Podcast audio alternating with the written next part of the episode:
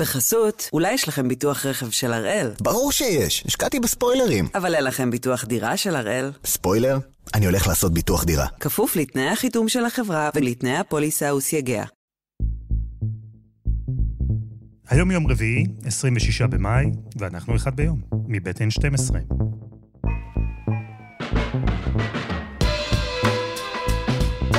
אני אלעד שמחיוף, ואנחנו כאן כדי להבין טוב יותר מה קורה סביבנו. סיפור אחד ביום, כל יום. בחור צעיר, לבוש בסוודר שחור עבה, יושב במרכז התמונה. הידיים שלו קפוצות לפניו, הוא לא מזיז אותן הרבה. על המצח שלו, סימני אלימות. הלחי הימנית שלו מעט נפוחה. אנשים שמכירים אותו אומרים שהאף שלו נראה עקום, כאילו נשבר, אבל לא צריך להכיר אותו כדי לראות שהוא עייף או מתוח. Добрый день, меня зовут Роман Протасевич. Вчера был задержан сотрудниками МВД в национальном аэропорту Минск. שמי הוא רומן פרוטסביץ', הבחור הצעיר אומר. אני מוחזק בתחנת משטרה במינסק.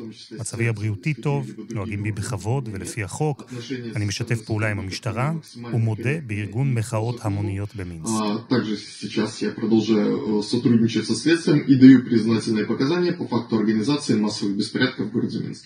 בסך הכל 29 שניות אורך הסרטון הזה, והוא העדות הראשונה, בינתיים היחידה, למצבו של הבלוגר, העיתונאי, ששם לעצמו למטרה לחשוף את השחיתות של נשיא בלרוס, ומצא את עצמו בתחילת השבוע נחטף למינסק יחד עם מטוס נוסעים עמוס, בדרמה שכאילו לקוחה מסרט.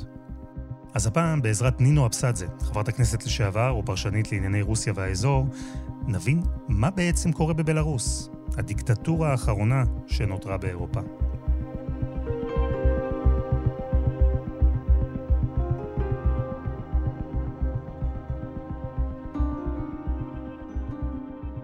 נינו, שלום. שלום. תמקמי אותי רגע. אנחנו מדברים על בלרוס, איפה היא נמצאת ומה יחסי הכוחות בינה אה, לבין המדינות האחרות מסביב באזור. מדינה קטנה בלב אירופה. מדינה שהכי קרובה לרוסיה גם באופן אתני, גם באופן מנטלי, גם גיאוגרפית, אבל עוד פעם, לא לשכוח שהיא ממש בלב ליבה של אירופה. ויש מי שיכנה את בלרוס כעת, שזה דיקטטורה האחרונה של אירופה.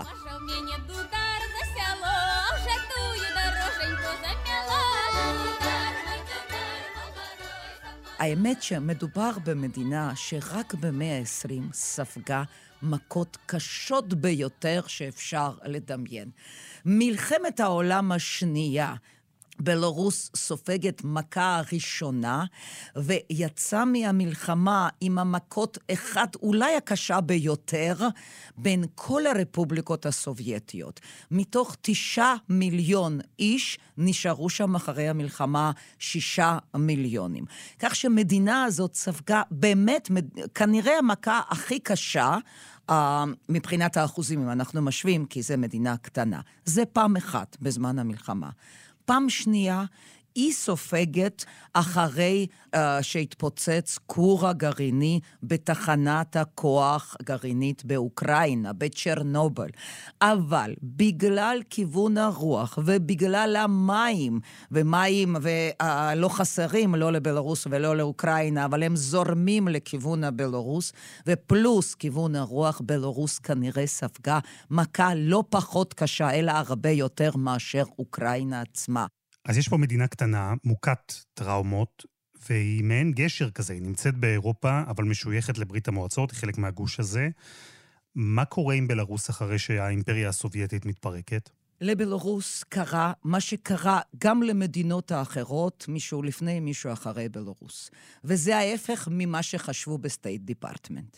ב State Department, אנליסטים הגדולים, טכנולוגים ועשירים פי מיליון, ודמוקרטים פי מיליון מאשר כל הברית המועצות ביחד, היו בטוחים. ברית המועצות תתפרק פעם אחת ולתמיד, ואז כולם, כולל את רוסיה, באופן אוטומטי, יהפכו להיות פרו-אמריקאים, פרו-מערב אירופאים, כתוצאה מזה אנטי-רוסים לחלוטין. ופרו-קפיטליסטים בוודאי, בוודאי, בוודאי. זה מה שקרה בכל מקום, גם בבלרוס בשנים הראשונות של העצמאות. לאט-לאט, ברפובליקות שונות, ובראשן עומדת רוסיה עצמה. אומרים, וואו, מודל אמריקאי זה לא מה שאנחנו חשבנו. זה נחמד שאנחנו רואים סרטי הוליווד, אבל במציאות, מה זה אומר? אחרי ההתפרקות, כל השטח של ברית המועצות זה קטסטרופה כלכלית אחת, ענקית, עצומה, היא לא סתם גדולה. ברוסיה ובאוקראינה הקפיטליסטיות, תראו, פתאום יש שכבה דקה של עשירים, וכל האחרים הם עניים. ובתקופה הזו, פוסט ברית המועצות, מטפס בפוליטיקה המקומית אלכסנדר לוקשנקו. מי הוא? הוא בעצמו שירת בצבא, במשמר הגבול, ששייך לצבא הסובייטי, והוא היה קצין, סגן אלוף, שמי שמפקחים על זה זה KGB. אלכסנדר לוקשנקו גם היה פוליטרוק במשמר הגבול של KGB של צבא הסובייטי. אני חושבת שזה מסביר הרבה מאוד. בן אדם שמאמין בשיטה הזאת, זה פעם אחת. אוקיי, נגמרה ברית המועצות. ב-1991 לוקשנקו כבר איש ציבור. מה אתה חושב? הוא היה כמעט היחידי שבפרלמנט הבלורוסי הצביע נגד, על פי גרסה אחת, יש עוד גרסאות שאומרות שהוא פשוט נמנע, אבל בעיקרון הוא הצביע נגד התפרקותה של ברית המועצות. ובהמשך, שהוא כבר נשיא בלרוס העצמאית, הוא אומר שהתפרקות המדינה הסוציאליסטית הראשונה בהיסטוריה הייתה קטסטרופה הגלובלית הגדולה ביותר של מאה ה-20. ובתקופה הזו שברית המועצות מתפרקת, אז אמנם המדינות השונות הן מתקרבות למערב, מתקרבות במהירות לכיוון הקפיטליסטי, אבל כמעט באותה מהירות הן נתקלות בכאוס כלכלי, ואנחנו רואים אה, פערים עצומים בין המעמדות ושכבה מאוד מצומצמת של אוליגרכים עשירים. ובבלארוס לוקשנקו, אמרת, נאחז בסוציאליזם הסובייטי. הוא נלחם נגד התופעה הזו שרואים אז במדינות ברית המועצות לשעבר? זה מה שלוקשנקו עשה עוד לפני עלייתו של פוטין בעצם לשלטון. הוא אומר, תקשיבו, מה שסיפרו על אמריקה זה לא הכי טוב שבעולם. אז בואו קצת ניקח, ניקח את הדברים הטובים, נקנה אייפונים, אוקיי? בסדר. אבל נישאר עם תפיסת העולם שלנו. לא נלך רחוק מהצדק החברתי. והוא מתמודד על נשיאות כדי להקים מדינה דמוקרטית לחלוטין. президент Республики Беларусь Александр Григорьевич Лукашенко.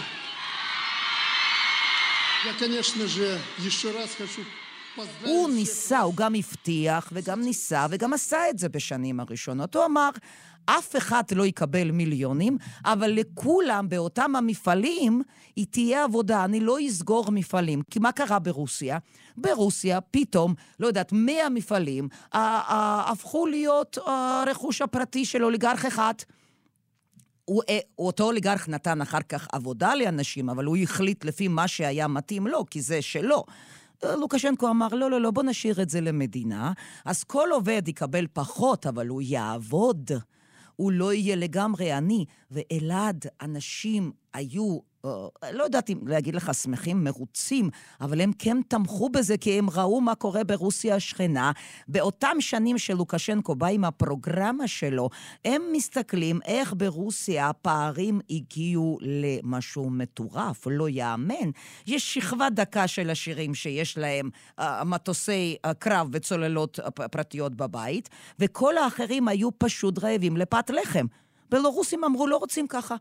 לפחות בשנים הראשונות, והלכו ותמכו. תשמע, גם היום יש עובדי המפעלים בבלרוס שהם עדיין תומכים באותו לוקשנקו. היו הבטחות סוציאליות, הוא אמר, יהיה אצלי רפואה ציבורית, יהיו אצלי המפעלים, יהיה, תהיה מערכת החינוך הציבורית, לא הכל חייב להיות פרטי ולעלות מיליארדים של דולרים. כלומר, לוקשנקו רץ על טיקט סוציאליסטי בכלל. אה, אה, זה, זה, זה, זה הטיקט שלו. מתי אנחנו מתחילים לראות נגיעות של אה, דיקטטורה? מההתחלה? כן, אפשר לומר שזה היה בהתחלה. למה אנחנו פחות הרגשנו את זה? כי הרוב היה בצידו.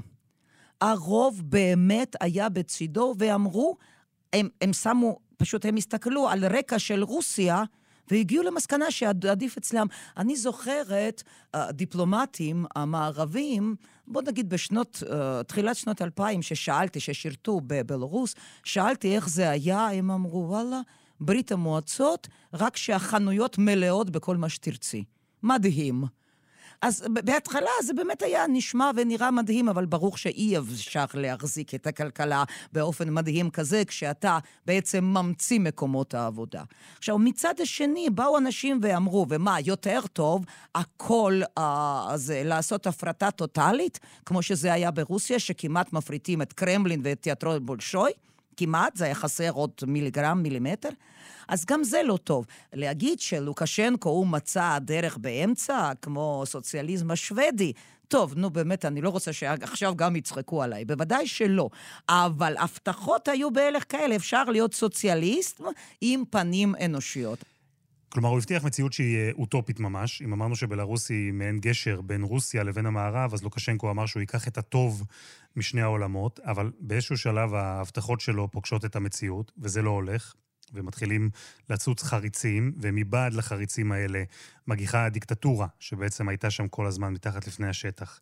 אה, ואם אנחנו מסתכלים אל תוך הדיקטטורה הזו, נינו, זה ממש כאילו לוקשנקו הולך לפי ספר הדיקטטורים, נכון? אנחנו רואים אה, ריסוק אופוזיציה בכוח, ורואים אה, דיכוי זכויות אדם, והגבלה משמעותית של התקשורת, כן, אז ללוקשנקו זה אומר, אם יהיו לך ערוצי תקשורת ממש ממש חופשים, לוקשנקו אמר, רגע, רגע, רגע, שאני אמצא את עצמי במצבו של ילצין, שהוא חושב דבר אחד ובגלל הטלוויזיה עושה דבר אחר, סליחה, אני לא צריך, אני גם יכול, כנראה, זה מה שהוא חשב, להרשות לעצמי. הוא אמר לתקשורת, חברים, אם לא תסתמו, יהיו לכם בעיות. הוא הסביר את זה די טוב, בניגוד לרוסיה. ברוסיה היו ויש ערוצי האופוזיציה. שאפשר לראות ולשמוע אותם ברוסיה, אפשר לראות ולשמוע אותם בארץ, בכל מקום בעולם. הוא אמר לעיתונאים שלהם, אה, אצלי זה לא יעבוד. ומתי מתחיל הסדק בכוח שלו? מתי בעצם אנחנו מתחילים לראות את האופוזיציה בבלארוס מתחזקת? אנשי האופוזיציה הבלורוסים מתחילים לצאת ולדבר בשנת 2010. 2011 אנחנו מתחילים לראות התנגדות רצינית שאומרת זה בסדר שהכלכלה לא נפלה ואף אחד פה לא מת מרעב, וזה נכון, ושיש הכל ציבורי ותחבורה נורמלית וחינוך נורמלי ומערכת הבריאות, נו, יחסית כמובן, כן? יחס, הכל יחסית נורמלית, אבל תראו באיזה מחיר. איפה זכויות האדם? איפה חופש הביטוי? איפה זכויות של קהילה הגאה, של האישה, כל מה שתרצה? אין כל הדברים הללו.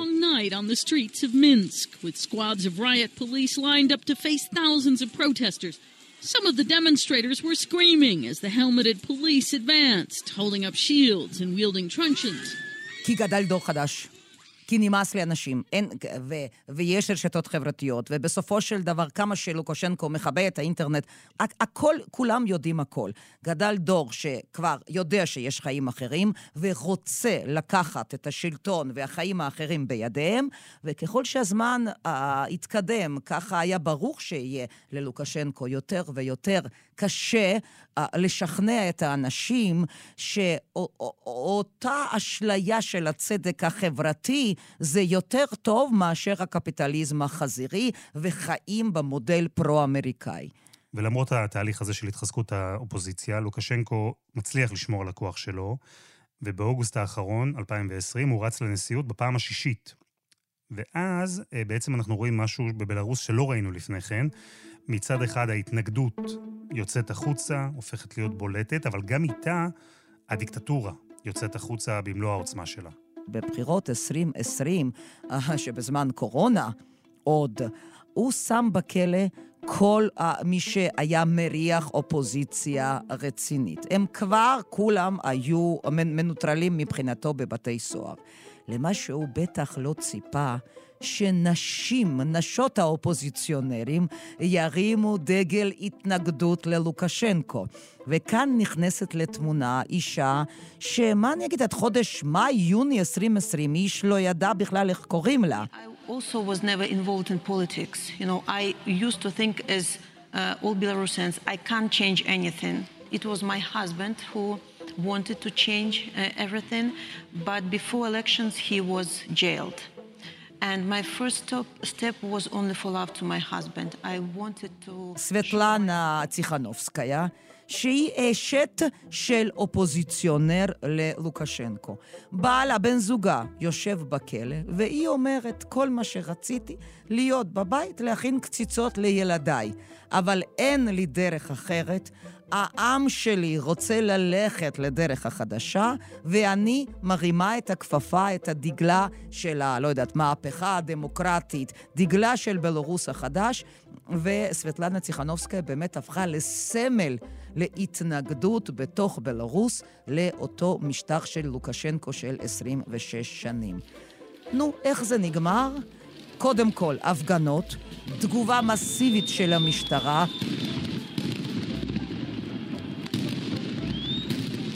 תגובה פשוט לא יאמן. בלב אירופה אנחנו רואים איך מרביצים לאנשים, איך מכניסים אותם למרתפי המשטרה, ועוד אלוהים יודע מה באמת עושים להם. עכשיו, מה ש... לא לשכוח, שוטרים וגוורדיה זה אותם האנשים שלוקשנקו נתן להם עבודה. כן, לוקשנקו נותן מעט, אבל כאן יש להם משכורת. ואז אנחנו ראינו את ההפגנות, וסבטלנה ציחנובסקיה, על פי ההכרזה הרשמית, לוקשנקו ניצח uh, כי בחרו בו 80 אחוזים, וציחנובסקיה קיבלה, נדמה לי, רק שמונה. אני לא מכירה מישהו בעולם שמאמין שזה הנתונים האמיתיים. יש בדיחה מדהימה על לוקשנקו, שיועץ נכנס אליו אחרי הבחירות ואומר לו, אדוני הנשיא, יש לי חדשות רעות וחדשות טובות. נו, לוקשנקו אומר, תתחיל מהרעות. אומר, תקשיב, הפעם המתחרה שלך קיבל 92 אחוזים, ומה החדשות הטובות? אתה קיבלת יותר. זה מסוג הבדיחות האלה, שאתה לא יודע אם לצחוק או לבכות, כי בעצם זה סוג של מה שקורה במציאות בבלארוס. אחרי שהוא ניצח לכאורה ב-80 אחוזים, לוקשנקו לא מרפה מהאופוזיציה, נכון? ובמיוחד לא מהאישה שעמדה מולו. טיכנובסקיה נאלצה עם ילדיה לעזוב את בלרוס, ומנהלת את האופוזיציה. היא הייתה במדינות של ים הבלטי, מסתובבת באירופה. זה מה שאנחנו יודעים. חלק גדול מההתחזקות של האופוזיציה בבלרוס, מהתהליך הזה, קורה בזכות צעירים. אנחנו רואים את זה גם במקומות אחרים. את אמרת דור חדש, וזה דור של אופוזיציה צעירה שצומחת ברשתות החברתיות, ודמות בולטת בתוך הדור הזה, בתוך התנועה הזו, הוא רומן פרוטסביץ'. תספרי לי עליו. רומן גם גדל במשפחתו של פוליטרוק. שגם שירת בצבא, וזאת אומרת, פוליטרוק זה בן אדם שאחראי אידיאולוגית על אידיאולוגיה הנכונה של החיילים. אבל רומן, הוא נולד בשנה שלוקשנקו עלה לשלטון, הוא בן 26. הוא רוצה לחיות באירופה כמו קאי, חי כל בחור בגילו באירופה. והוא מקים את הבלוג שלו, והבלוג שלו לאט לאט נהיה פופולרי, ובמיוחד הבלוג האופוזיציונרי.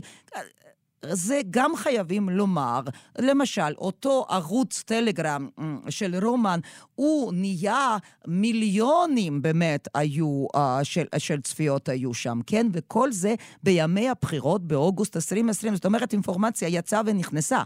והוא נהיה בחור מאוד מאוד פופולרי, uh, ונאלץ לעזוב את בלרוס. עכשיו, לערוץ הטלגרם שלו קראו, בטעות כמעט כולם קוראים לו נקסטה. אבל בבלורוסית, וזה לא בדיוק רוסית, זו שפה קצת שונה אמנם מסלאבית, זה לא נקסטה, זה נכטה. ונכטה זה ניקטו ברוסית, זאת אומרת, אה, אף אחד. זה כנראה מה שהוא ניסה לשדר אה, ללוקשנקו, אדוני, אתה אף אחד, אתה כלום. אז זה השם כנראה של הבלוג שלו, ומה שקורה, רומן עזב את בלרוס, הוא פשוט ברח משם, uh, והוא היה בכנס באתונה, uh, וחוז... ומשם הוא טס לווילנה. ובטיסה הזו קורה משהו שכמעט קשה לתפוס. יום ראשון בבוקר, טיסה 4978 של חברת ריינר, המריאה מאתונה לכיוון וילנה, בירת ליטא. על הטיסה 126 אנשים, ואיתם רומן פרוטסביץ'.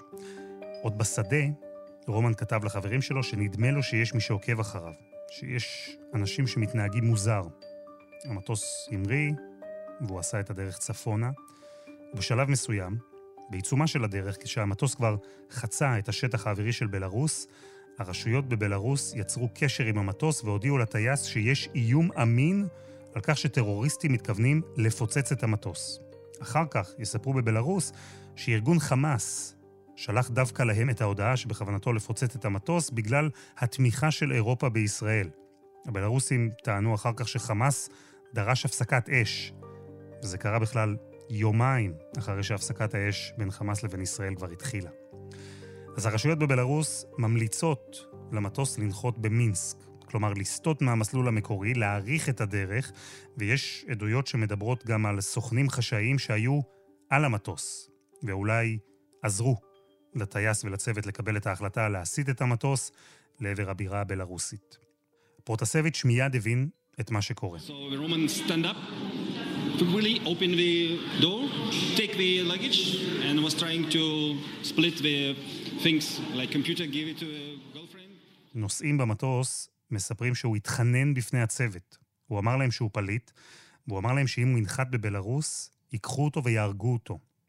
אבל הצוות ענה שאין ברירה. המטוס נחת במינסק, כל 126 הנוסעים הוצאו החוצה, פרוטסביץ' נלקח למקום שאינו ידוע.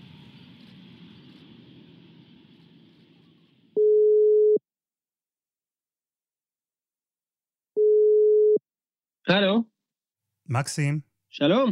מה שלומך? איפה אני תופס אותך? בסדר, uh, אני במוסקבה. מקסים כץ חי ברוסיה. יש לו ערוץ יוטיוב מאוד פופולרי שעסק בכלל בפוליטיקה הרוסית, אבל הבחירות של אוגוסט 2020 בבלארוס הדהימו אותו, ואז הוא התחיל לסקר גם את השכנה מהמערב ואת מה שקורה שם. אני התחלתי ב- בסוף הקיץ.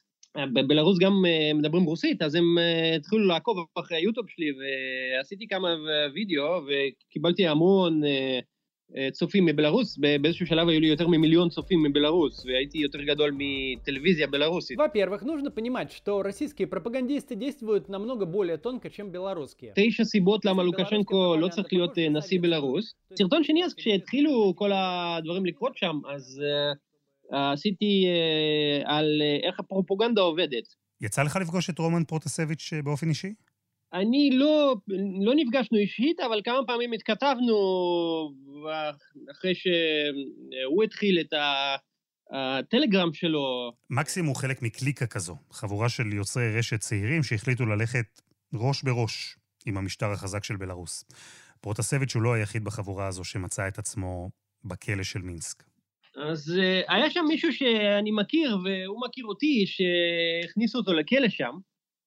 והוא אמר לי ששאלו שם עליי, הרשויות, שאלו אותו, אז מה, מה מקסים כץ רוצה, למה הוא עושה את כל הסרטונים האלה וכל הדברים האלה.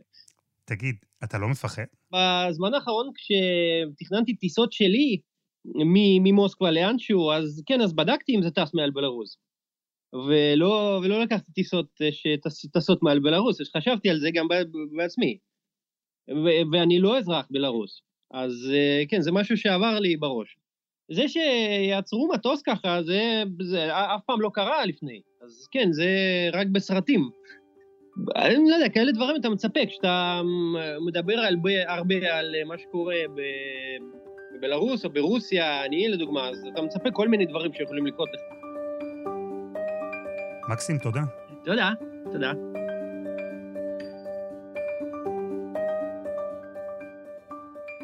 אז כן, הבלוגרים מקבוצת אנטי לוקשנקו היו עמומים, ולא רק הם. חברות תעופה מכל אירופה הודיעו מיד שהן מפסיקות לטוס בשטח האווירי של בלארוס. הם כינו את מה שקרה חטיפת מטוס בחסות מדינה. מנהיגי אירופה וארצות הברית הגיבו במילים בינתיים, מעט מאוד מעשים. And the hijacking of the place, plane is also a deliberate and unnecessary triggering of a safety emergency. הם בטח לא עשו עד עכשיו משהו שבאמת אמור לגרום ללוקשנקו להרגיש שהוא הגזים ושהוא ישלם את המחיר. נינו, וכשזו התגובה, והיא תגובה רפה מאוד, יכול להיות שהאירוע המטורף הזה יעבור בשקט? לוקשנקו בכל זאת עשה פה משהו שהוא שערורייה באופן שקשה בכלל לתאר. אירוע הזה, אלעד, מאוד מאוד מזכיר אירוע של אלכסיי נבלני. כמובן שיש המון שוני. שני האירועים האלה בעצם יכולים ללמד אותנו שאופוזיציה, גם ברוסיה ובוודאי ובוודאי בבלרוס, מסתכלים על בית הלבן, רואים שם נשיא דמוקרט ומלאים בתקווה שהלחץ של המערב ושל האמריקאים יהיה יותר מסיבי על השלטונות והדרישות האופו, של האופוזיציה בשתי המדינות הללו יישמעו יותר טוב בעולם. זה פעם אחת. בפעם השנייה, יכול להיות מאוד שגם התגובה לא פרופורציונלית הם רוצים עוד להקדים התרופה למכה. גם פוטין, לפי דעתי, וגם לוקשנקו רוצים להגיד לג'ו ביידן הדמוקרט, אדוני, נגמרה התקופה של ילצין שהקשיב לקלינטון הדמוקרט. אותנו אתם לא תלמדו מה לעשות במדינות שלנו. לפי דעתי, כל זה מה שנעשה בזמנו, לא כל כך מזמן, עם נבלני, ועכשיו מה שקורה בבלרוס, זה פשוט מסר עבה ממינסק עד לוושינגטון, לבית הלבן. אל תשחקו איתנו, אנחנו מנהלים את החיים כפי שאנחנו מבינים אותם. אה, נינו, תודה רבה. תודה.